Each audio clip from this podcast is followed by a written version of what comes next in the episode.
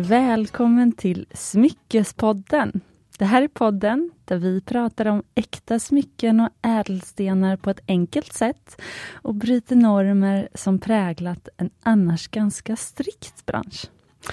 Och idag sitter jag här med två efterlängtade gäster. De är tillbaka. De har varit så busy, eller upptagna på svenska då, eh, att de har inte haft tid att vara här förrän nu. Varmt välkomna Victoria och Carolina. Tack så Tack mycket. snälla! Vad har ni varit upptagna med? Ja det kan man fråga sig. Ja, det kan man fråga sig. Ja, men det Nej, har... vi, har haft, vi har haft fullt ös verkligen. uh, vi, vi har ju ganska många olika ben att stå på så det, det, har, det har varit liksom mycket helt enkelt. Det har, allt har bara det har trillat, trillat över oss lite. Mm. Ja men som det är, för jag eh, tänker ändå vårt företag är ändå hyfsat eh, nytt. Så att det är fortfarande i den här fasen där man liksom försöker Ja, uppstartsbubblan. Liksom. Ja, man hittar olika saker och då på något vis, vi har ju sagt att vi ska, vi ska säga ja till allt. så att det, var liksom, ja, det, har varit, det har varit mycket olika saker, men det är det som är roligt. Ja. ja. Men efter ett tag när man har haft företag så säger man inte ja till allt. Eller? Nej. Nej, Nej vi får nog... det går inte. Nej. För tiden räcker inte till. Men Nej. det var lite det vi bestämde från början. Vi sa så här, vi säger ja till allt, vi testar allt en gång, vi försöker med så mycket. Ah, vad kul. Eh, och så mm. sa vi så här, tills vi liksom måste börja tacka nej till saker. Och det är väl där vi har liksom den där ja, crossovern det, mm. där. Att nu, nu är vi att vi måste kanske börja mm. tacka nej till lite för att det börjar bli för mycket. Och vi måste ju koncentrera oss på att utveckla vårt företag också. Mm. Um, inte bara liksom arbetsuppgifter, utan även eh, försöka få vårt företag att växa och, och eh, gå framåt. Mm. Mm. Mm. Superbra tips, det får nog bli dagens här företagartips faktiskt. För man ska inte, alltså jag upplever detsamma. Alltså jag tycker man ska inte, man ska tacka ja till typ allting i början för man vet inte vilka delar som kommer flyga. Precis, Nej, det är så precis. är det ju. Ja. Och vilka delar och man tycker liksom en är annan, Jag tror att vårt kanske bästa tips, eller vad man ska säga, det är att Carolina och jag, vi har alltid varit väldigt måna om att vårda våra kontakter. Mm. Vi har alltid tänkt att, inte att vi har haft en baktanke eller något sånt där, utan bara så här, människor som har funnits runt omkring oss, både privat men också i vårt yrkesliv, som, som vi har märkt att vi har haft något slags utbyte av, har vi alltid liksom försökt att, ja, men, att, att ha kvar i livets mm. olika skeden. Och det har givit oss otroligt mycket sen när vi startade eget. För att helt plötsligt, båda två mm. blev kanske ja, positivt överraskade, och in, inte förvånade, men positivt överraskade över vilka otroligt fina människor vi har runt omkring oss som vill supporta oss. Mm. Eh, och som har hjälpt oss och lyft oss. Och, ja, men det kan bara vara liksom ett vänligt ord på vägen eller något sånt där. Och, och det, så det tycker jag, alltså vårda dina kontakter. Mm. Det, det betyder allt. Mm. Ja, jag håller med. Det är liksom det som det är de där människorna man har träffat på vägen och som mm. man har tagit med sig på vägen mm. som är liksom är ja. de som är Ja, och människor vill glädjen. hjälpa varandra mm. i grund och botten, verkligen. Det, det är jättefint. Det här var ett annat fint visdomsord. Oj, nu slog vi till vattenglaset här. Nej, det är bara härligt att det är liv i studion. Eh, nej men det är ju superfint för ni har ju extremt bra rykte i branschen. Alltså ni är väldigt, väldigt omtyckta märker jag. Jaha, eh, trevligt. Ja, kul att höra. Men eh, det är inte så svårt, eh, eller att förstå det nu då eftersom ni har den här liksom, tanken om andra från början. Liksom. Att mm. ni liksom vill vårda era, ja, du kallar det kontakter, men det är ju liksom vänner och kollegor. Ja, det är alla människor. Det är ju det också, de här kontakterna och, och, kanske som är kollegor från början, det, man, man bildar ju, eller det blir en vänskap efter ett tag också. Mm. För man mm. delar ju oftast kanske ett intresse eller någonting sånt där och då, då blir det att man finner varandra i det. Mm. Eh, och det tycker jag vi ofta säger till varandra, säger så här, vilka fantastiskt bra människor som finns runt omkring. Mm. Vad, vad, glad, vad glada vi är att vi har liksom så mycket bra folk omkring oss som finns där, som alltid har funnits i alla tider. Ja, ja. Mm, ja vi uppskattar det, det gör vi. För eh, Carolina, kan inte du börja berätta om er, vilka ni är och sådär? För att sen, eh, sen, podd, sen ni var här senast, det var mm. avsnitt 57. Och då pratade vi om, det avsnittet hette 10 smyckesklassiker som du bör ha Mm, i din smyckesgarderob. det. Ja. Det var Carolina. så roligt. Ja, med Carolina och Victoria. Så, och sen dess har vi fått väldigt många nya lyssnare.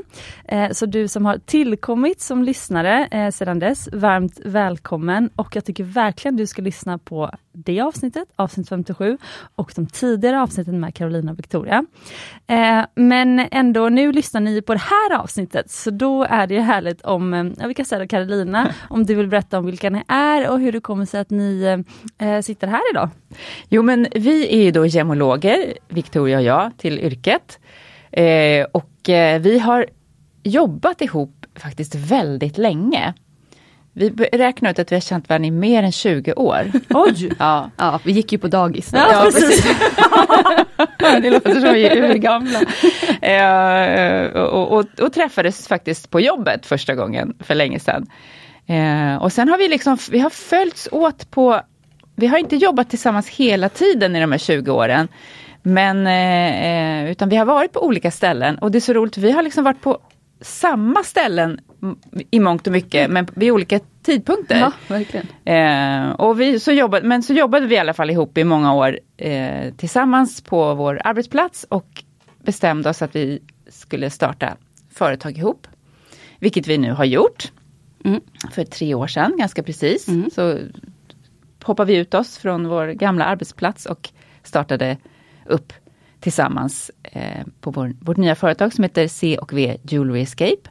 Och det är ett företag där vi håller på med vår största passion kan man säga då, som är ju smycken och ädelstenar och framförallt då gamla smycken som vi har nördat in oss, oss på. Och det har blivit så genom åren att det har varit en grej som vi har märkt att vi har tyckt om. Så det håller vi på med allra mest. Och då köper vi och säljer smycken, men också håller vi på jättemycket med smyckesvärderingar håller kurser och sånt där om smycken, gemologi och smyckeshistoria. Och det är väl lite så vi har lärt känna dig, genom kurser från början va?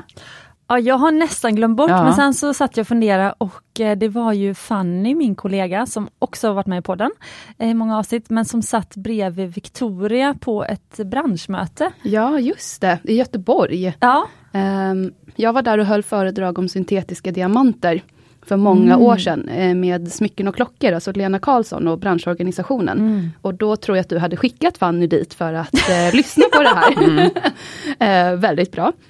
Eh, och då hamnade jag och Fanny och eh, hennes pojkvän bredvid varandra på middagen.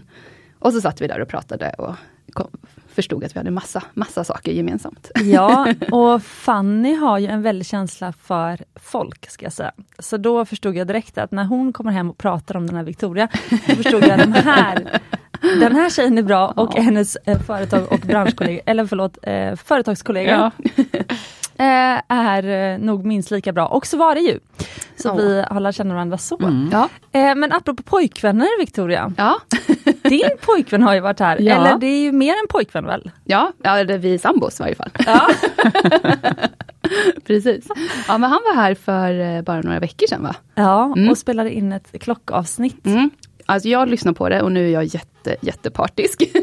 men jag tyckte det var så bra. Jag lyssnade Verkligen. också, jag, jag tyckte Ja, men vi också det var lyssnade jättebra. högt på jobbet när vi satt och jobbade, det var jättemysigt. Mm. Och Georgios är ju en klocknörd utan dess like. Eh, och jag kan absolut ingenting om klockor. Så, och jag har lyssnat på andra poddar han har varit med i. Men alltså när ni pratade, det var, jag, det var som att jag förstod allt.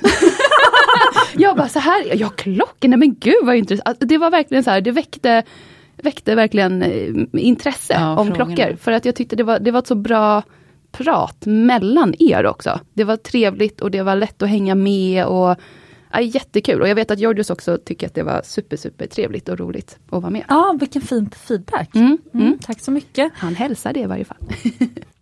Och för din, dig lyssnare som eh, vill lyssna på det avsnittet så var det avsnitt 79.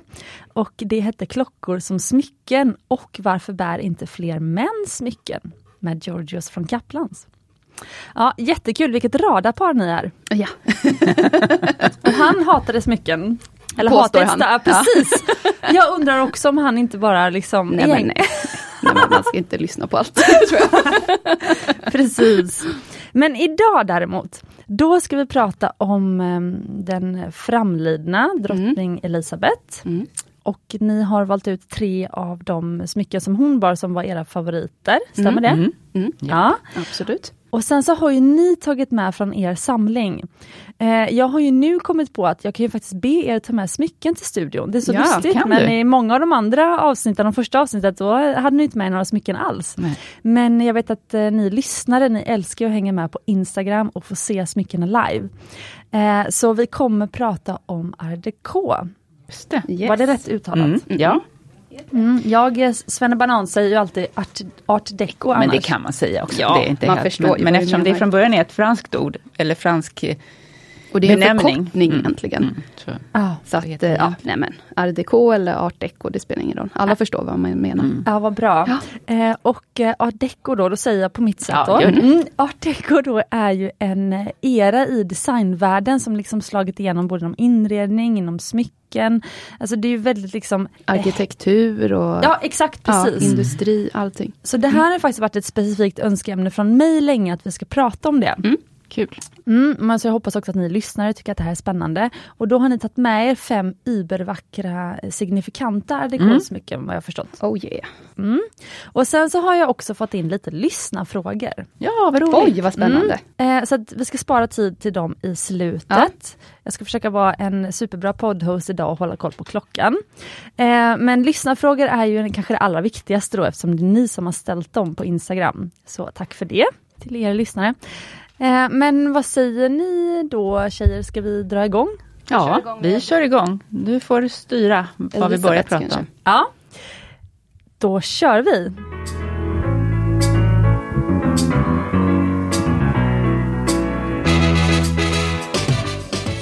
Okej, och vi börjar med kanske det mest aktuella.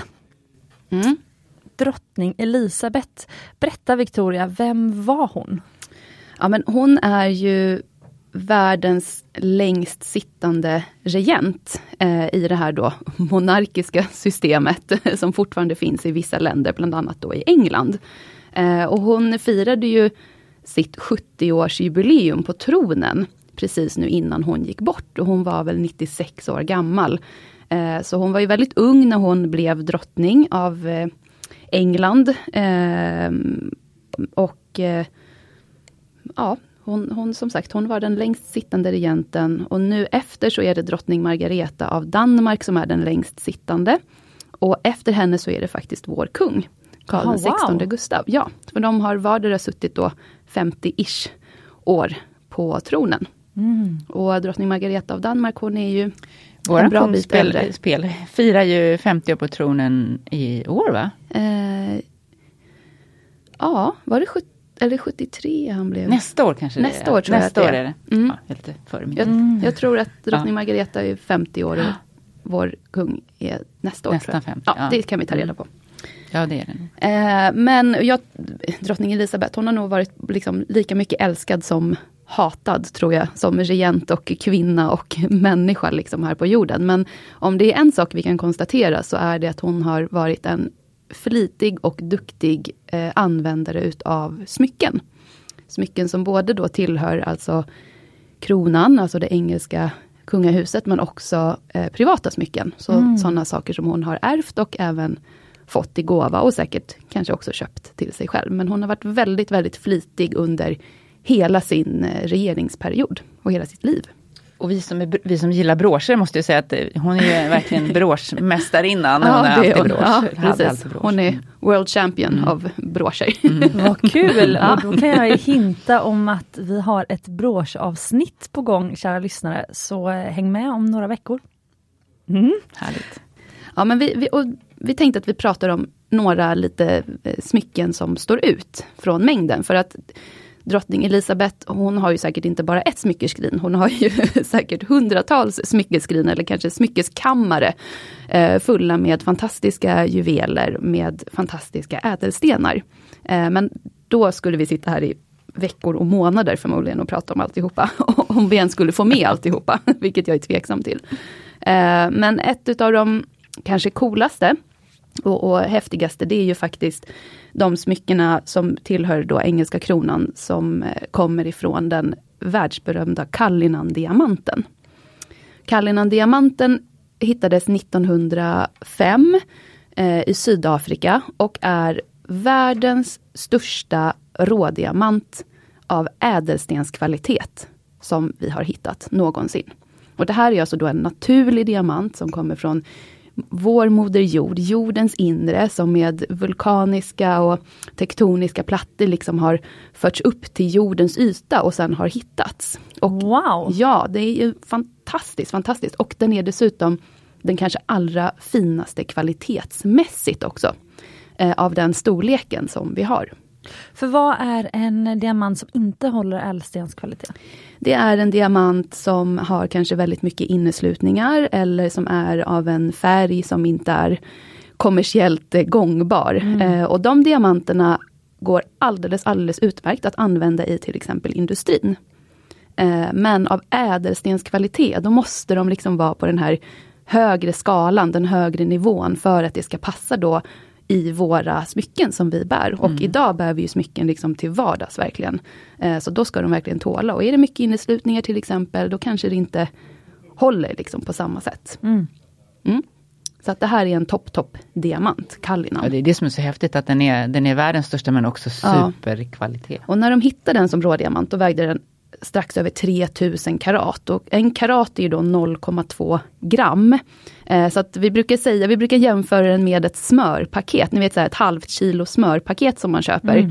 eh, när man lagar mat eller bakar. Det, ett sånt väger ju 500 gram och den här väger väl då ungefär 600 gram. Så att det är en rejält stor diamant verkligen. eh, och den ägdes ju då utav Transvaalregeringen i Sydafrika. Men eftersom Sydafrika tillhörde det engelska imperiet då, eh, så gavs den i gåva till dåvarande kung Edvard den sjunde. Mm. Eh, och eh, han ger uppdrag till eh, fem stycken bröder eh, i Belgien som heter Ascher i efternamn. De ger namn till Ascherslipningen. Att eh, studera den här diamanten och sen faktiskt då klyva den. Den kan man ju inte ha rå, utan man vill ju slipa upp den. Och då sägs det att eh, det här klyvningsjobbet ges då till en utav bröderna som heter Jon eller John. Eh, och eh, han, det sägs att när han skulle klyva den här diamanten efter att de hade studerat den då i flera månader, var de skulle liksom slå det här första slaget för att den skulle eh, behålla så mycket vikt som möjligt sen den slipade diamanten. Det sägs då att han svimmade för att han blev så nervös säkert. Förstår man ju faktiskt. ja, jag skulle också svimma tror jag flera gånger. Eh, men de lyckades i varje fall. Och eh, det blev tre stycken eh, större diamanter och sen så blev det då sex stycken ytterligare. De är fortfarande enorma men de är inte lika stora som de här tre allra största. Eh, och det man får ut då är ju då eh, den största diamanten som heter The Great Star of Africa. Som är över 500 karat eh, stor eller vikt. Den sitter i den engelska spiran, mm. alltså i kronjuvelerna. Eh, så att den engelska spiran, den kunde vi se på drottning Elisabeths begravning. Den låg på hennes kista. Eh, och den åkte runt hela London? Den åkte runt hela London i den här kortegen. Och eh, den kan man då till vardags kan man se om man besöker Towern i London. Mm. Eh, så där sitter den allra största, den väger 530 karat. Eh, diamant nummer, och alla heter Cullinan då 1 till 9 heter de, de största. Så Cullinan 1 är den största, The Great Star of Africa. Cullinan 2 heter The Lesser Star of Africa. Den är fortfarande enorm, den är över 300 karat. Och slut på fantasi där. Mm. Ja, precis. Antingen man är man great eller inte. Liksom. eh, och den sitter i kronan. Och den kunde man också se på drottning Elisabeths eh, begravningskortegetåg där. Eh, för både då kronan och spiran samt då riksäpplet låg ju på hennes eh, kista. Så i kronan där ser man till smackad sitter en, mm. en enorm diamant på en bra bit över 300 karat. Och sen så går det liksom neråt, i, så att det finns Kallinan då 1 till 9. Det är de som är namngivna och sen så är det nästan hundra stenar till som blev utav den här ah, eh, ja, okay. diamanten. Och eh, jag vet att en av de allra minsta, som är pytteliten, den väger bara strax över 4 karat. Den blev en liten diamantring. Det är liksom typ det minsta som det blev utav den. Ja, för det jag sitter och funderar på nu när jag eh, visualiserar i mitt huvud, det är vad har de för slipningar de här? Fick den här allra största, fick den en typisk smyckeslipning eller har ja. den en speciell liksom sån Ja, det är en droppe, men ja. alla, naturligtvis tror jag alla slipades efter så att man skulle kunna behålla så mycket vikt som möjligt. Mm. Men det är ju då dropp, precis. ja, precis, droppe är ju mm. den största och den näst största som en kudde. Mm. Eh, och de är ju rejält stora. Jag ska ta fram en bild. Och sen trean och fyran är ju också ofta sedda. De är också en droppenkudde. Mm. Ja men de är enorma. Nu ska jag visa dig Cissi. Okej, wow, det här var jättefint. Det är alltså en asher och en droppe som, där droppen sitter liksom nedanför aschen. Precis. Ja, eller det är en kuddslipad. Det är en ja, kuddslipad. Mm. Ja, okay. och sen är det en droppe. Och det som är grejen är ju då att man kan ju plocka ut diamanten från spiran och från kronan. Och man kan sätta ihop dem och använda som en brosch. Och det kan man även göra då med Cullinan 3 och 4 som också är en kuddslipad och en droppslipad. Så, så det du visade på bild nu, det mm. var det The Great som, Star och The Lesser Star? Precis, det är ah, de wow. som sitter i, i spiran och i kronan. Ah. Eh, så att det, det, och de är ju då gammalslipade, för de är ju slipade på 1900-talets början. Mm. Så de har inte den här perfekta eh, slipningen så som vi gör idag. Men de är så otroligt, otroligt vackra och charmiga. Och som sagt den bästa kvalitet av diamanter eh, som faktiskt har graderats då hos eh, GIA. Så häftigt. För att hennes förfader, jag vet inte om det heter så på när det handlar om kvinnor, men eh, drottning Victoria av England. Mm. Hon var ju en smyckesälskare av rang. Ni, det har jag lärt mig från er i tidigare avsnitt från er. Yeah. Eh, och hon levde ju liksom större delen av 1800-talet. Mm. Eh, och hon var ju smyckesälskare privat. Mm. Var även Queen Elizabeth det? Det tror jag nog att vi kan säga Ja, det tror jag absolut med tanke på att hon alltid sågs liksom i brosch och de här mm. klassiska pärlasbanden som hon alltid hade mm. och sådär. Och det ser, på hennes begravning just så ett, hon, drottningen bar nästan alltid ett treradigt pärlkollier. Eh, och hon hade säkert flera. Mm. eh, men eh, då kunde man faktiskt se på begravningen att Kate Middleton, hon som är gift med äldsta sonen William, mm. som är eh, tronarvinge. Han, eh, hon eh, hade på sig det här treradiga pärlkollieren på begravningen. Mm. Och det är drottning Victoria som införde att pärlor var ett passande smycke att bära vid sorg. Mm. Så det, det, även det kommer eh, från henne faktiskt. Mm. Okej. Okay. Mm. Och det här var ju eh, ganska många stenar. Eh, men du sa till mig förut att nej, men det var svårt att ta fram bara tre smycken. Ja, precis. Så att vi, vi, vi hijackade ja. lite och tänkte att vi, vi, tar, vi tar några fler.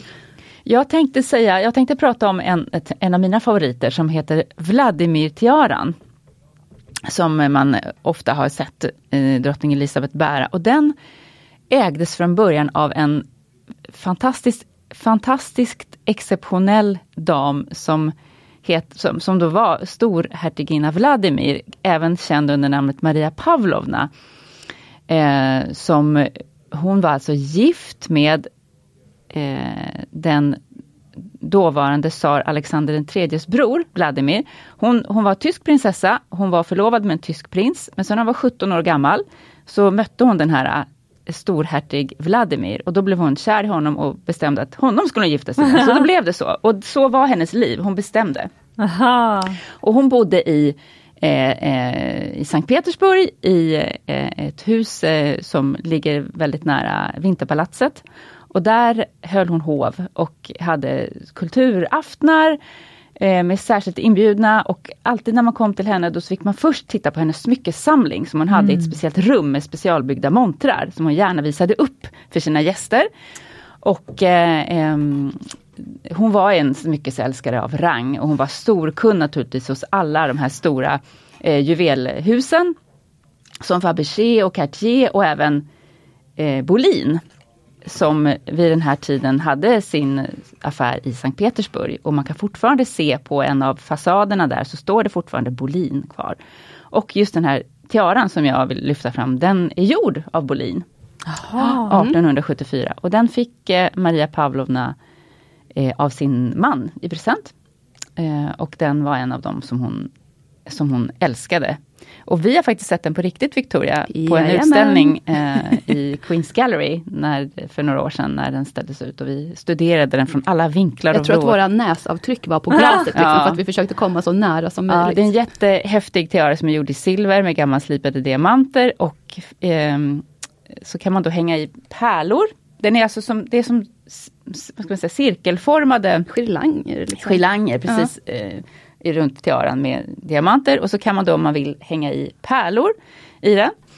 Väldigt Eh, användbart. Väldigt användbart. Och eh, eh, hur hamnade den då hos drottning Elisabeth kan man undra. Jo, eh, Maria Pavlovna, eh, storhertiginnan Vladimir, hon eh, fick ju då naturligtvis fly eh, Ryssland under revolutionen 1917. Och då lyckades hon gömma sina smycken Oj. på något konstigt sätt där i sitt hem.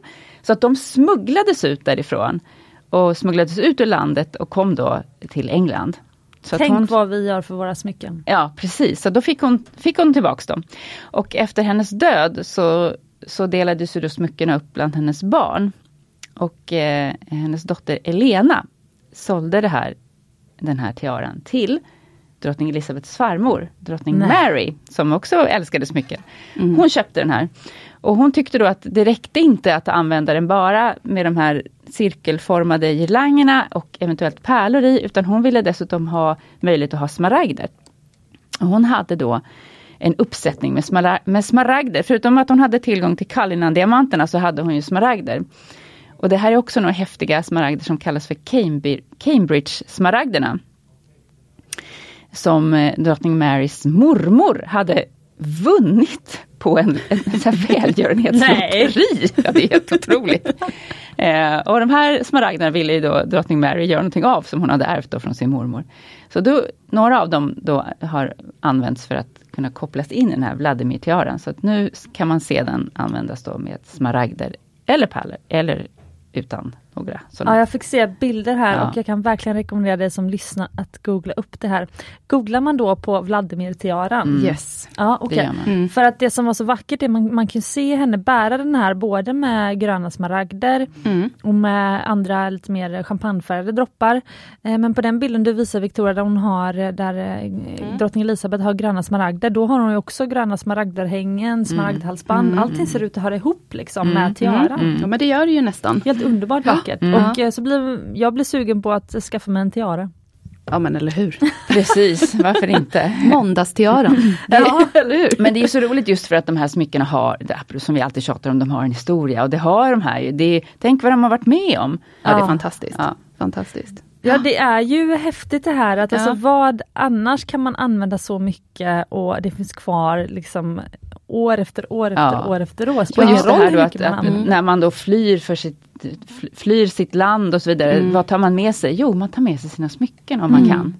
Ja men det, smycken är ju, det är hårdvaluta. Mm. Eh, det, det har vi ju lärt oss liksom Mm. i. Och vad är det som är krigsbyten och sådär under alla de här tusentals åren av hemska människor som krigar mot varandra. Liksom. Ja, men det är ju smycken och, och ädelmetaller och ädla stenar. Liksom. Det, det är så. Mm. Mm. Och om historien hade varit annorlunda då hade, då hade kanske inte alls den här Vladimir-tiaran funnits hos drottning Elisabeth. Utan, Nej, den, det vet vi inte ens om den hade funnits Funnits kvar, kvar. I det, i, så som den är nu. Nej. Den kanske hade så att säga blivit slaktad Ja. och eh, stenarna sålts liksom på, Precis. spridits ut. Mm. Vilket mycket annat har gjort Mm. med.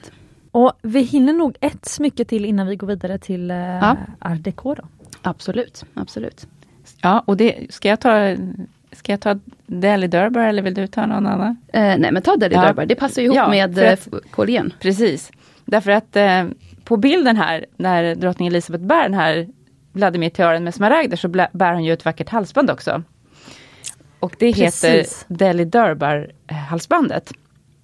Det kommer också från drottning Elisabeths farmor, drottning Mary. Och det innehåller också de här Cambridge-smaragderna.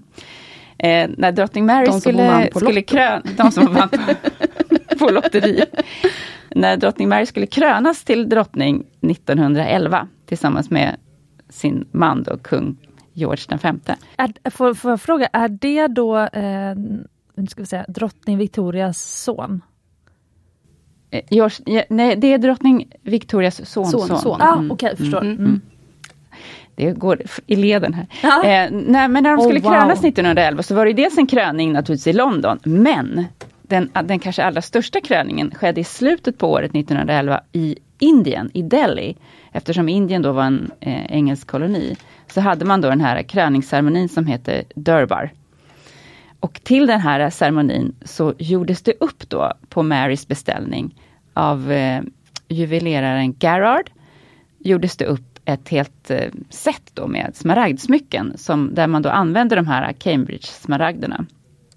Och dessutom Och det sitter ju... sitter det en liten diamant där i fram. Precis. Och den här är då också gjord väldigt typiskt för 1911 när man har då, det brukar kallas för negligé, när man har ett, ett hänge fram som är lite längre, eller rättare sagt ett dubbelhänge fram som är lite längre och de inte hänger riktigt symmetriskt utan det ett är lite längre än den andra. Det är väldigt typiskt för den tiden. Och det gjorde man här. Och den ena av de här hängena är ju en smaragd, men den andra är ju en diamant som du ser Cecilia. Och det är en av Kallinan-diamanterna, Kallinan nummer sju är det. Jaha, för alltså jag sitter helt Den har mållös. vettformade. Det här är nog ett av de vackraste halsbanden jag sett. Ja, det är Ja. jättevackert. Ja men det är magnifikt. Och det heter ju då, det förstod jag nu när, när Victoria visar bild, men det heter ju Delhi som den indiska staden Ja, Delhi. precis, eftersom det var där som kröningen skedde. skedde. Delhi Durbar Necklace Mm. and Kallinan nummer nio. Mm. Nej, nummer sju. Nummer sju Nummer är sju, det som förlåt, det. ja det står nummer sju. Precis. Men hon har, det har också varit Kallina nummer, Kallina nummer tre har också varit i- den ibland. Då, Mm. den här en jättestor droppformad. Så den, men, men nu hänger det nummer sju där. För det är alltså ett gäng eh, diamantomringade smaragder och sen så är det dubbla rader halsband Mm. med diamanter också mellan de här Mm, dubbla raderna. mm, Alltså Precis, det är, att kedjan är, eller vad man ska säga, är ju liksom, det är diamanter. ja, helt otroligt. Så det här Ja. får ni googla upp lyssnare. Mm, det är Ja. jätte, jättevackert. Och den här Kallinan diamanten nummer sju då, den väger ju nästan 9 karat. så att den är den här navett markis slipade. Men det man- måste ju smaragderna också göra. De är ju otroligt ja, stora. Smaragderna ja, de är jättestora. Det var mycket på det där lotteriet Mm. som hon vann. Eh, så att, och, det, och man gjorde inte bara upp halsbandet utan man gjorde ett helt, man gjorde broscher och man gjorde tiara och allt möjligt till. Ehm, och den här tiaran som gjordes till, den kom faktiskt till drottning Elisabeths mamma i arv. Så att därför så har traditionellt drottning Elisabeth burit Vladimir-tiaran med smaragder och Mm. den här Delhi Durbar halsbandet ihop. För att hennes mamma har haft själva tiaran som gjordes från början till. Mm. Gud vad kul, Ja. det här var ju... Eh, Ja, visst är det vackert? Ja, men det var också väldigt kul. Ni valde ut väldigt spännande det är ju helt fantastisk, eh, alltså den här samlingen av diamanter och att det liksom knyter ihop till så många smycken. Det känns som att det blir en Mm. så sammanhållen Ja, liksom, det är ju det. kollektion. Mm. Eh, och liksom att jag har fått få liksom en hel bild av hur de gick runt här med alla de här diamanterna och smaragderna på sig och liksom på olika sätt. Och en rolig grej var ju också det här med tiaran att det är ett av de första smycken jag har hört som man kan förändra lite grann. Mm. Alltså du kan, det kanske är en föregångare till, eh, ja i och för sig vi har ju, man kan ju hänga på olika olika charms, vad Ja. heter det? Ja, Mm. ber- Berlocker Ja. på halsband och på örhängen och så i nutid också. Mm. Men det här är på ett helt annat sätt, att man liksom hänger Mm. på massa pärlor liksom, Mm. på, bara för att förändra en tiara. Och liksom. om man ska dra det till väldigt modernt så Mm. har ju vår prinsessa Sofia hon, har ju, hon fick ett, eh, en tiara när hon gifte sig med prins Carl Philip och den tiaran kan hon också byta då. Eh, jag, tror att, jag tror att det var smaragder från början i tiaran. Eh, som liksom sitter uppe på toppen, fantastiskt vacker. Och sen så kan hon då byta ut dem mot pärlor. Eh, och sen så har vi även sett att hon har faktiskt bytt ut dem mot turkoser. Mm. Så att, eh, och det, de hade hon nu sist eh, på sig eh, när det var statsbesök från eh, det nederländska kungahuset som var här bara förra veckan var det väl. Mm, det var det. Då såg vi henne bära sin tiara och då, hade hon, och då bytte hon lite. Det var jättekul. Mm. Ja, det är faktiskt Mm. kul. Och även de här drottningens paradsmycke, vår drottning Silvias parad, paradsmycke, Ja. Leuchtenbergska. Safirerna, som hon eh, ofta ses ha. Eh, Där är det också från början så att de här safirerna i tiaran har kunnat bytas ut till pärlor. Så att det var nog något man, man hade. Liksom, Ja. det, som man skulle kunna växla Ja. Ja, färg efter humör och kläder och så. Precis. Och eh, drottning Elisabeth föddes ju då under faktiskt art déco-eran. Ja, mm. det stämmer. Eh, och ni har ju nu valt ut ett gäng art déco-smycken som ni har med er som, mm. eh, liksom till studion idag. Mm. Men hur eh, liksom, kan man se i drottning Elisabeths smyckesmak att liksom någonting som liksom kopplar till art déco? Eller, liksom, eller finns det någon koppling däremellan kan ni se? Um, alltså lite både och. För art décon, eh, den, den växer ju fram såklart som alla andra eh, stilar, mm. eh, epoker eller vad man ska säga. Och eh, drottningen hon föds 1926 och art säger man börjar cirka 1925. Um, och då ska man ju komma ihåg också att Europa har ju precis liksom klivit ur det första världskriget. Mm. Uh, och är fortfarande väldigt halt och lytt allting i, i, sam, i alla länder, i alla samhällen. Um, och trenderna sprids ju men kanske inte med samma liksom uh, styrka som det har gjort tidigare och som det kommer göra senare. För att Europa är liksom skadat. Mm. Så drottningen, eftersom hon också föds mitt där i, det kanske man kan dra parallell till sin egen, liksom, hur, hur mycket smycken från 80-talet har jag? Inte speciellt mycket Nej, liksom. um, kanske lite samma där, att uh, hon, uh, hon har mycket smycken liksom från då sin, uh, sin farmor, drottning Mary. Mm. och det är ju smycken liksom från sekelskiftet, 18-1900 mm. däromkring. Och sen så eh, blir Elisabeth drottning 1953. Eh, och då börjar hon ju använda även de smyckena liksom som tillhör kronan då så att säga. Alltså det som är eh, smycken som tillhör, som inte är hennes privata, utan som tillhör eh, eh engelska eh, kronan. Och det finns ju, nu kommer jag att tänka på en, apropå tiaror, det finns ju en jätte jättevacker art déco-tiara. Som, Meander. Precis, meanderborden ja. som då drottning Elisabeths dotter prinsessan Anne mm. fick. Och hon har den på sig på någon officiell bild när hon fyllde 50 tror jag. Och hennes dotter hade den på sig när hon Precis. gifte sig. Och nu också. är det dottern tror jag som, som mm. har den. Mm. För att det, det verkar vara hennes, den är ju väldigt liksom... Den är otroligt vacker. Det är sån här grekisk meanderbord och så är det en liten sån här bandå-stil mm. liksom. Och den kan med kan bäras liksom ganska långt ner i pannan. Eh, eller lite högre upp på hjässan. Otroligt vacker och den är ju då bara liksom diamanter. Mm. Ja men väldigt snygg och väldigt, väldigt typisk för art tiden mm. Ja, så att, ja är, hon, hon föds ju mitt i art liksom, men, men min uppfattning är att hon bär smycken egentligen från lite andra epoker oftare.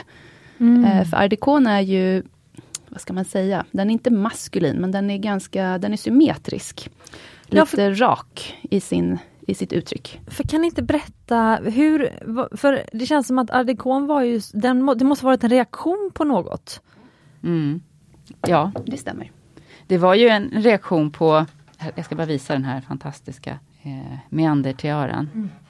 Supervacker. Ja, ja, den är, ja, ja, det var ju en, en reaktion på den, den, tidigare stilen som det alltid är då, som är en motreaktion. Ja precis, Art Nouveau eller Jugend som man också kan säga, som är väldigt eh, organisk och, och liksom, jag brukar kalla den för sagolik för att den är sådär eh, vad ska man säga? Ja, men det är böljande former, ja, det är väldigt feminint, det är ofta liksom Eh, Art Nouveau då, Art Nouveau eller Jugend, är eh, inspirerad utav liksom kvinnokroppen. Ja, det är böljande och hår och, och ja. precis, organiska former, liksom rötterna på ett träd eller de böljande vågorna eller någonting sånt. Så att, då blir det ju såklart precis tvärtom.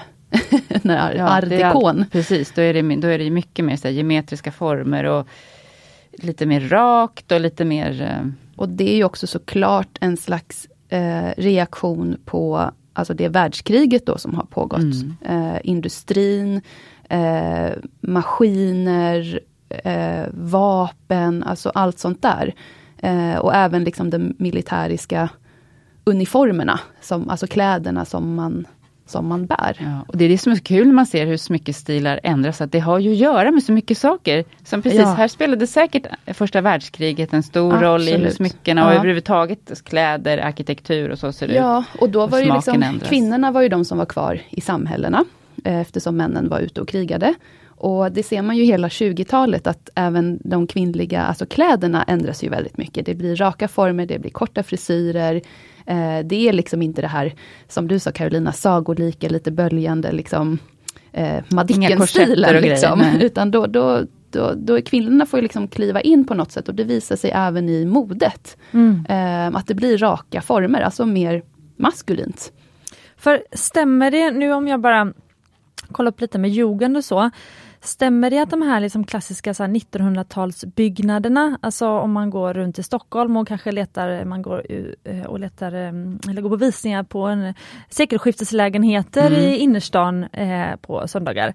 Eh, då verkar det som att de husen, om man tänker i Vasastan, Östermalm och så, som har kvar det här gamla och byggdes då liksom sekelskiftet, eh, 1800-1900-talet, att det är jugend. Mm. Mm med liksom li, lite så här tinnar och torn och om man tänker Strandvägen i Stockholm, är det jugendstilen, de husen som, eller de byggnaderna som är längs Strandvägen? Det, ja, de kanske lite tidigare egentligen Precis. men... Eh, Jag har ett, en favoritfasad ja, faktiskt ja. i, i Stockholm, just när vi pratar liksom jugend. Och då pratar vi i och för sig också svensk jugend. Så att, eh, även om man pratar om art déco eller jugend liksom som en stil Eh, samma sak med art déco, så, så, finns det en liten lokal mm. variant överallt. Mm. Det, eh, det, inte, det, finns en, en, en spansk eh, variant, det finns en engelsk variant, det finns en österrikisk variant. Så, att, alltså det, det, så är det.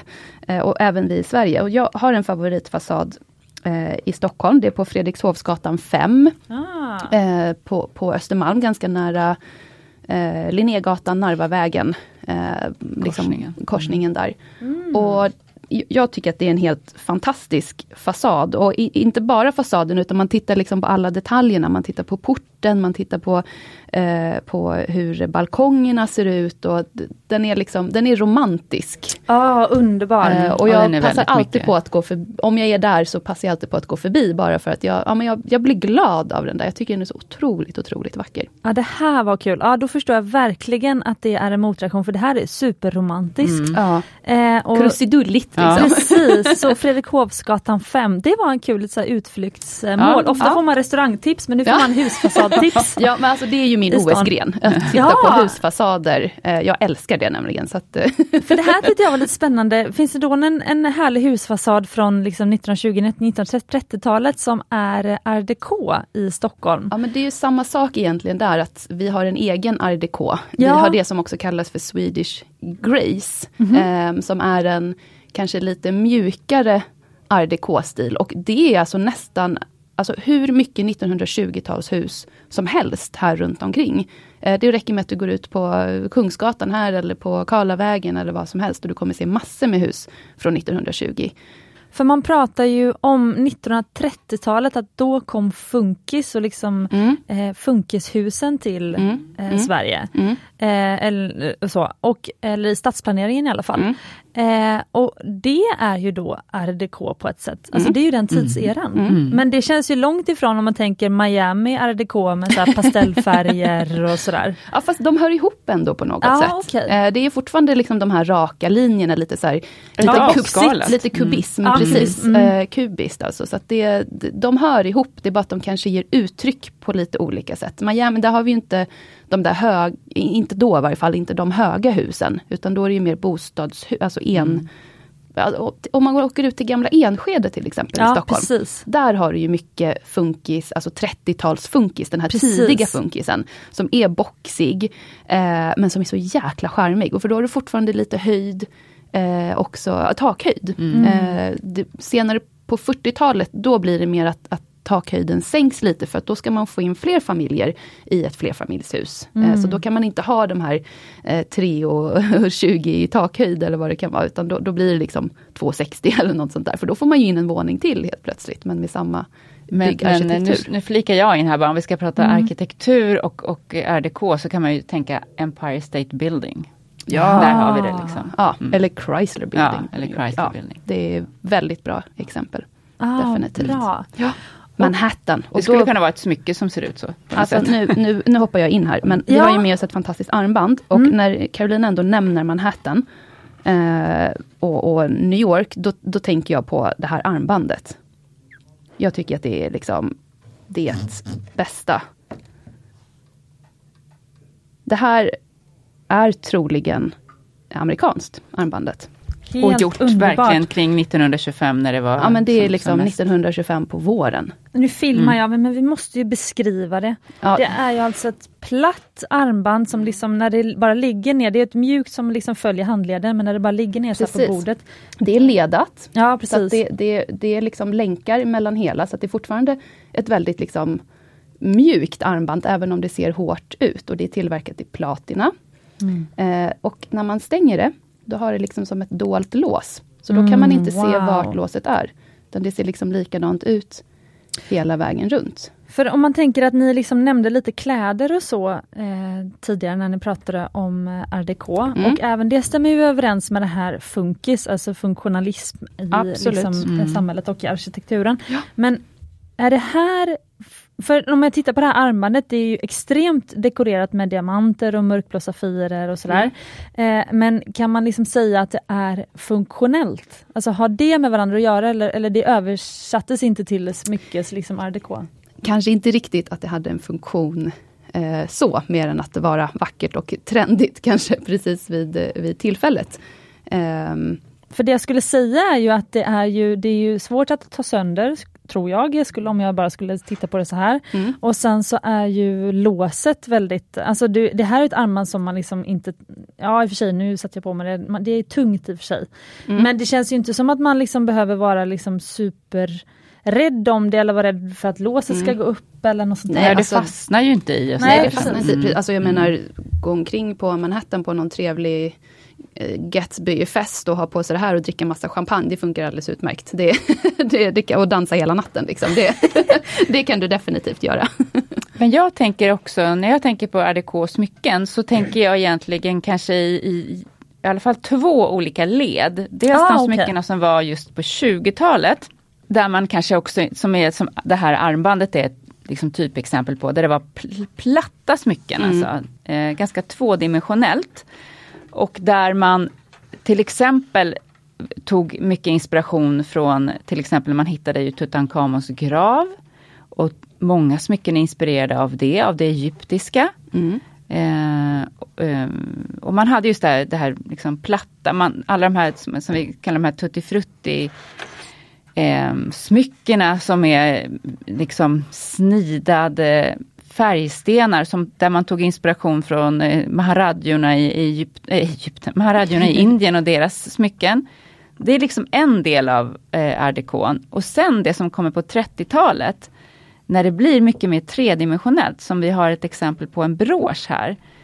Om du tittar på den Cecilia, så ser du, om vi tittar på armbandet först, så är det väldigt platt. Alla jag trodde det var ett halsband. Ja, ja det, är, det är både halsband och brosch. Ah, Men om wow. du tittar på det här och tittar på det från sidan så ser du att det är tredimensionellt. Det står upp liksom. Det är inte platt. Och det är liksom en vidareutveckling av RDK som är då som den såg ut på 30-talet. Och det tycker jag också är kul att se. Under samma era Mm. så sker ändå en utveckling.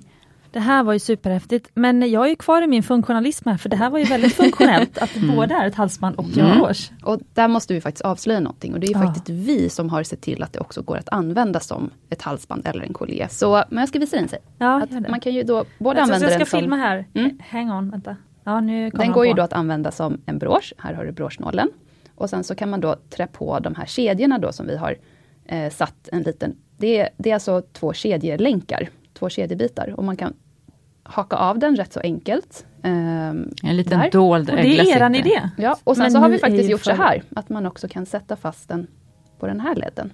Ni är ju för listiga. Så att man kan använda den sådär. Nej men lägg Så av, så. så, Mm. smart. Samma smycke men det får liksom ett helt annat uttryck. Ja. Jösses Och nu ska smart. vi inte ta åt oss all ära för det är vi, ja, Jo, det är vi som har gjort det. Men det här har vi naturligtvis tagit inspiration från gamla smycken som har såna här. Så det, Precis. just det här broschen hade inte det men många gamla smycken har ju det. Ja. De här. Och ja, det är vi har härmat rakt av ja, men det och funkar det är just det där att det är inte en hängögla egentligen utan det är de här små, små fina krokarna där man som nästan osynligt kan fästa Ja. en kedja. Det är det som är så fint tycker jag. Att det blir, det liksom gör inte på något sätt intrång i själva broschen eller i själva smycket. Nej. Utan det, Och det är bara att haka av och använda som brosch. Mm. Men det är ju det här som är också kanske en av era största gåvor till Smyckesverige tycker jag. Det är ju just att ni liksom åter eh, liksom återbruka kan man nästan säga, men alltså att ni liksom tar det som finns och gör det liksom aktuellt för oss, Mm. eh, liksom nu i den här liksom livstiden. Ja, och just det där med brosch, nu är vi två stycken som älskar broscher, men Mm. jag vet att många tycker att det är svårt med brosch. Vi ska försöka ändra på det, Oh ja. vår mission. Men då kan man ju faktiskt försöka göra, som i det här fallet, kan man ha den både som brosch och som hänge. Ja men vet ni vad jag såg? Jag var inne på By Malin Birger nu, kanske ett av de trendigare smyckesmärkena på Biblioteksgatan i Stockholm. Eh, förlåt, klädmärkena. Eh, jag tänkte och- just, har de börjat göra smycken? Ja. Jo, men det har de, Mm. för att de har gjort eh, stickade tröjor med broschar. Inbyggd brosch. Ja, men jag kollar, jag, tr- jag Wow. tror, nu ska vi se om minnet sviker mig, men jag tror att det var att man kunde köpa bara broschen för typ 800 kronor. Men det Ah. var liksom en guldbrosch, alltså ett riktigt smycke liksom. Men gud vad kul, vad Ja, glad en jag blir. guldfärgad brosch eller? Ja, ja, ja, ja, Ja. såklart. Eh, mäss, mässing antar jag. Eh, men gå dit sen efter poddinspelningen Det faktiskt göra. och Gud, vilken kika. bra. Roligt. Eh, så att det var ju väldigt kul. Yay! Men jag tror också det är ett sätt, alltså nu har vi haft stickade tröjor i så många år, alltså nu vill vi glamma upp lite granna. Ja. Vilket ni har gjort båda två faktiskt. Ja, Ja. men det är just stickade tröjor, det är då man kan ha brosch. För jag kan förstå det att man inte vill förstöra tyget om man har en fin sidenblus eller så. här, Men stickad tröja är perfekt med brosch. Ja, Ja, det blir så om- mycket roligare. Ja. Berätta om eh, din brosch. eh, Ja, men jag, det här är en av mina favoritbroscher och jag tog ju naturligtvis på mig den idag bara för att vi ska prata Underbar. om RDK. För det här är ju en RDK-brosch från 1921 är den gjord. Eh, I Sverige. ja, och den är köpt, eller såld på NK. Ja. Så att eh, den, den kommer, kommer här från Sverige och den, den är ju väldigt, väldigt mycket RDK. Och, eh, och den använder jag ofta, ofta har jag den liksom mitt fram på tröjan. Men nu har jag faktiskt på mig ett hänge idag så nu fick den komma lite på sidan.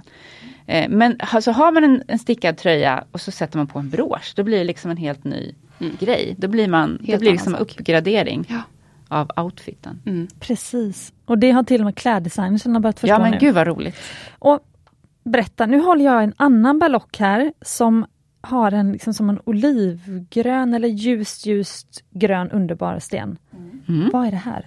Den där är ju eh, någon, ett fynd som vi gjorde Mm. eh, utomlands. Och då eh, besökte vi en, en antikhandlare som håller på med smycken. Och hon sa, men titta här, här har vi en jättetrevlig citrin. Mhm, tänkte vi. Mm, Det där är inte en citrin. Nej, jag men, tänkte samma. Mm. Men det, det säger man inte alltid högt, vad man tänker. Vissa gånger får man faktiskt också Ja, vad vara smart, tyst. jag ska lära mig det. Ja. Vid sådana tillfällen, annars så Så då köpte vi den där. Då köpte vi den där som en citrinhänge. Eh, och, eh, och så fort, det här var utomlands, så att så fort vi kom hem, då var det bara, då slängde vi oss på då refraktometern, som är ett fantastiskt instrument, eh, som mäter då eh, brytningsindex på stenar. Och alla ädelstenar har ett unikt brytningsindex, så att det blir väldigt så här, definitivt. Och då visar det sig att det här är ju inte alls en citrin, det här är ju då faktiskt en beryll. Och beryll är ju då eh, i familj med smaragd, eh, akvamarin, eh, morganit. Eh, och, eh, det, så att det här är, om, om man ska vara riktigt riktigt dålig, höll jag på att säga. Om jag ska, då kan man säga att det här är en jätteljus grön smaragd. Eh, men vi kallar den inte smaragd för att den är så pass ljus, att vi kallar den för grön beryll. Beryl. Och den har också en annan ton av grönt. Den färgas inte av samma den ämne har ju som... lite gult i sig. Liksom. Ehm, Smaragden färgas av krom men det gör inte den här gröna nej, beryllen. precis. För att eh, jag kan säga det att citrin, Det är en helt annan mineral. Ja citrin är ju en kvarts. Precis. Och, men skulle man inte kunna säga att det är en ljusgrön heliodor? Ja, Det kan man också heliodor säga. är också Heliodor gul är den beryl. gula varianten Eller en, beryll. eller en Ja, väldigt grön akvamarin. Alltså det är ju, Ja, det är ju, precis. akvamarinen är ju blå och turkos. Ibland kan det ju gå Mm. åt turkosgrönt. Ja. Men när den är så här mycket grönt så heter den grön beryl. Då. Mm. Precis. Eh, och den är ju jättehärlig. Den är ju också väldigt, den, den är också säkert lite senare art déco, alltså typ 30, en 30-tals art déco. Så att man har fortfarande de här raka linjerna. Eh, men man liksom får, får den här liksom ganska eh, ja, men roliga liksom höjden på det i och med att stenen är så pass stor. Och sen så sitter det såklart lite gammalslipade diamanter som glittrar till. Helt underbar. Ja, den är jättevacker. Otroligt vacker. Och nu Mm. har ju du på dig två ovanlig. stycken ringar där Cissi. Du slängde på dig båda två. Ja exakt, för jag känner att nu ska vi snart gå över på lyssnarfrågor också. Oj då. Ja. Eh, men jag slängde på mig här som jag filmar två solitärringar med gigantic diamonds. Det är väldigt stora diamanter. Ja, och det är så roligt. Det är ungefär samma storlek på diamanterna. Men de, har så, de, är så, och de är båda RDK, men de är så olika uttryck. Mm. Den där som du har längst ut på fingret, den är ju, då tänker jag ju på New Yorks skyskrapor när man ser den. Ja, precis. Ja, den den är arkitektonisk. Så jag tänker Gatsby. Ja. Ja. Den, är ju, den står ju ut extremt mycket från eh, fingret. Mm. Ja. Den är uppbyggd som en trappa och högst upp tronar liksom en stor rund diamant. Och trapporna är beklädda, liksom, tra trappstegen är beklädda med diamanter. Japp.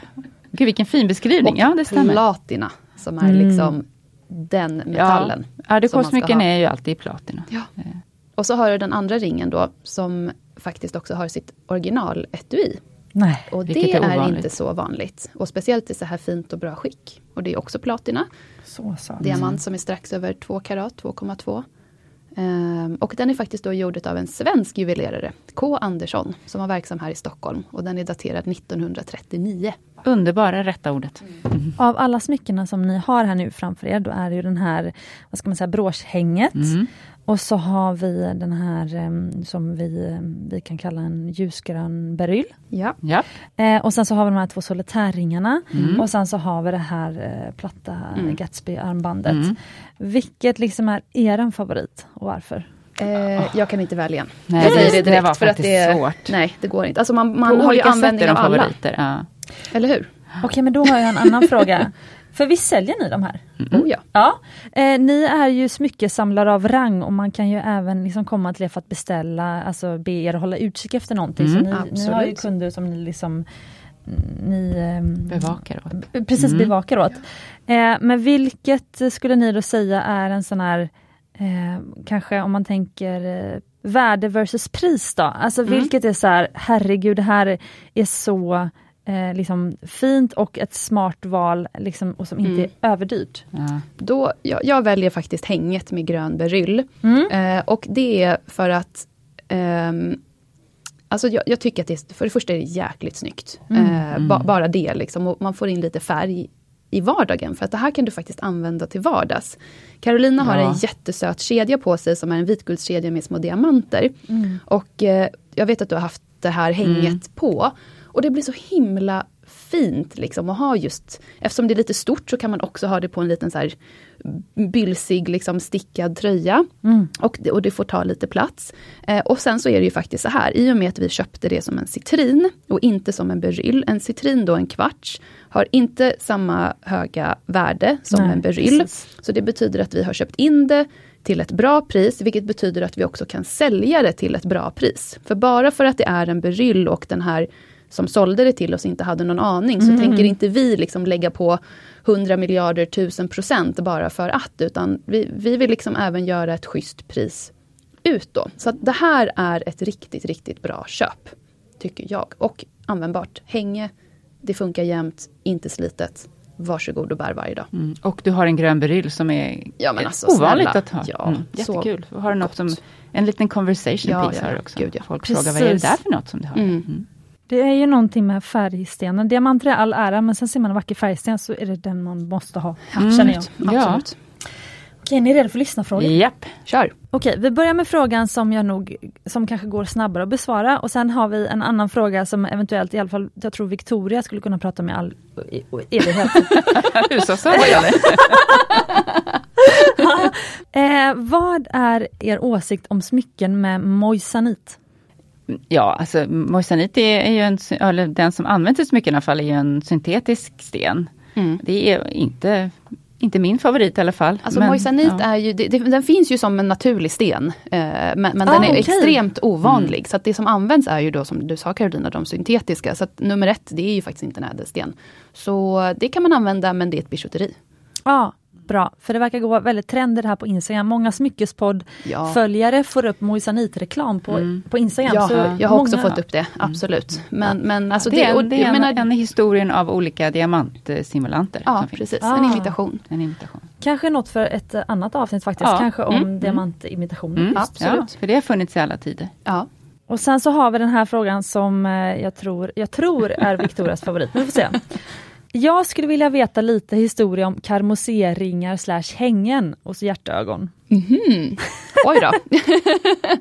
ja, ehm, alltså karmosé är ju då eh, en väldigt, idag säger vi en väldigt klassisk stil. Det är ju en mittsten, eh, ofta faktiskt en färgsten, färgädelsten. Det kan vara safir, smaragd, rubin eh, eller någonting annat. Och sen så finns, sitter det då som en krans runt omkring eh, med eh, gärna med diamanter om man säger så, för att lyfta. Och det är så eh, kul liksom för det där har plötsligt trendat. Det har varit det så här, Verkligen. i, Ja. för länge sedan tog, tror jag man tänkte lite mer att det var lite mer damigt och lite Ja, tantsmycke. det kanske lite jädrar. mormors Ja. Men det som är roligt med det, det är ju att man kan få igen då ganska mycket smycke för pengarna e- eftersom det har varit liksom lite otrendigt och, och det har gjorts väldigt många varianter på det. Alltså den här klassiska eh, Halo-ringen som alla har haft nu ett tag. Eh, alltså en diamant och sen så en, en krans med en tunn krans med små diamanter runt omkring. Det är ju liksom en variant av karmosen. En, en direkt variant, bara en utveckling av stilen. Liksom. För är inte den här ballocken, den här eh, ljusgröna, är inte det karmosé? Eh, inte riktigt, för att den har inte liksom, diamanterna. Den har ju som ett litet mönster runt omkring. Eh, men det är ju inte stenar. Men ja, en karmosé-ish kan man väl faktiskt säga. Det, det är också en variant av det. Liksom. Eh, och karmosén är ju alltså, herregud, den eh, om man tänker 1700-tal, om man är, är där, eh, 1700-talets andra eller sista kvartal eller andra halva. Eh, då fann, då fann, det har vi pratat om i ett avsnitt, då fanns det day and night jewelry. Och det som var eh, man använde då liksom diamanter på kvällen i candlelights för att då bara pff, liksom de sprakade och boom, det blev explosion liksom av diamantbling. Men på dagarna använde man gärna färg. Och då använde man till exempel då sin dagring, en, eh, en kanske en härlig sten eh, med färg i mitten. Det kunde också vara glas, det kunde vara knallrosa glas eller något sånt där. Och så hade man då den här lilla kanten runt omkring Och det är väl till diamanter. att man hade diamanter runt i för att man skulle boosta färgstenen. Precis. Så och det, det, ja, hade ju det är Marie där- det nog- Antoinette, det har ja. ju liksom Sofie Piper, det har ju alla de här liksom Och det är det som är, 1700-talsdamerna. det, det är så det historien tror jag. Att man, man, man vill liksom förstärka färgstenen genom att sätta diamanter runt för att det ska liksom vara en extra skjuts. Ja. Precis. Ja. Och sen ser vi det egentligen hela tiden. Mm. Eh, Ja, hela under historien. hela historien. Och, Och det idag. som gör att det har trendat nu kan nog ha att göra med, med just eh, Ka- Kate, eh, numera kronprinsessan i England då, Mm. som ju fick prinsessan Dianas förlovningsring Mm. när hon Ja, förlovade sig med det. prins William. Precis. En, en stor Safir med en krans av diamanter runt. Jag tänker att det är hon som har blivit lite nu, som har gjort att det nu har Absolut. trendat igen. Absolut, det tror jag definitivt. Sen vet jag också, nu ska vi avsluta här, men jag vet också att det är många smyckesdesigners som använder det som knep för att få själva diamanterna att se större ut. Så Ja. det säljer in till alla de moderna Ja. tjejer som vill ha liksom stora diamanter Alltså, idag. Jag har på mig karmosé-örhängen. Ja, och, Mm. och på långt håll ser de ut som solitärörhängen. Ja, det Yes. är kanske meningen från Så början. det är ett smart designknep som Mycket många smart. använder sig av. Mm. Absolut, funkar jättebra. Ja. Och snyggt. Ja, ja men härligt, alltså det känns, det är så lustigt, det känns som att vi racear igenom det här avsnittet. Men vi har nog pratat lite drygt en timme i alla fall. Yay. Ja. Eh, men jag fort. bara känner att ni måste komma hit oftare. Jag hoppas att Smyckespodden är en sån grej ni kommer fortsätta tacka ja till. Ja, det kan, tackar vi alltid ja Det är till. Det är en av de här ett ja. sakerna Ja. eh, att göra jobbet. Det är att prata Verkligen. smycken. Så det, Ja. är, det kan du räkna med. Jättekul. Ja. Och eh, till nästa gång ni kommer tillbaka, vi ska förhoppningsvis prata broscher då i tanken. Mm. Ja. Vi har ju en fjärde tjej som ska komma hit då, så att vi ska bara synka ihop den inspelningen. Eh, men då kan man ju följa er på Instagram, Mm. Ja. där ni heter. Jewelry Escape. Jewelry Escape. Eh, och är det där också om man liksom vill då att ni ska mm, eh, liksom börja bevaka lite smycken, om det är någon nu lyssnare som drömmer om något eh, gammalt antikt eller gammalt vintage-smycke Mm. som ni, ni ska hålla utkik på. Mm. Är det, vart kontaktar man er då? Antingen så kan man eh, komma in till oss på torsdagar, för då har vi öppet 11 till 18. Så att Mm. vi ska tillbaka nu och öppna upp vår lilla butik. Mm. Då behöver man inte boka tid, för det måste man göra övriga dagar. Ja, ah, smart! Ja, eh, eller så kontaktar man oss då via mail eller slår en signal eller DMa på Instagram. Om det är någonting. Fantastiskt! Ja. Och adressen hittar man? Ja, vi finns på Kommendörsgatan 9 på Östermalm i Stockholm. Precis. Där är vi. Vad har ni för husfasad? Eh, den är faktiskt från 1914. Ah, Eh, okej. ja. Men inte li, den är inte lika karaktäristisk Den är som inte riktigt, nej, så den är liksom tid, alltså, man skulle kunna säga tidig Swedish Grace alltså, men eh, eh, och det här vet vi bara för att när vi flyttade in och bad om att få ritningarna till lokalen när vi skulle sätta in kassaskåp och sånt där måste man Ah, veta ja. liksom Mm, hur det håller. golvet bär och så. Då fick vi originalritningen från 1914 för det var den senaste de hade. Åh, jag hoppas ni ramar in den så att Ja, vi har kvar den i alla fall. Vi har Mm. kvar en kopia av den. Fint. ja, så att det, därför vet vi sån nördkunskap Mm. om vårt hus. Kul! Och till dig som lyssnar, eh, eh, stort tack för att du hängde med och tack för eh, lyssnarfrågor. Eh, nu hann vi bara igenom två.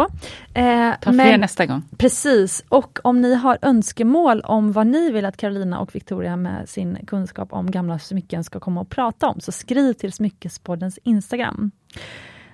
Och har ni något sista ni vill säga? Vi kommer gärna tillbaks. Det gör vi, absolut. Fantastiskt roligt som vanligt. Jättekul Ja. att få prata historia och ädelstenar och Ja, smycken. bästa. Och kungligheter. Mm. Yay. Precis. Och du som, stort tack för att ni kom och du som lyssnar, eh, glöm inte att du är värd äkta smycken och ädla stenar.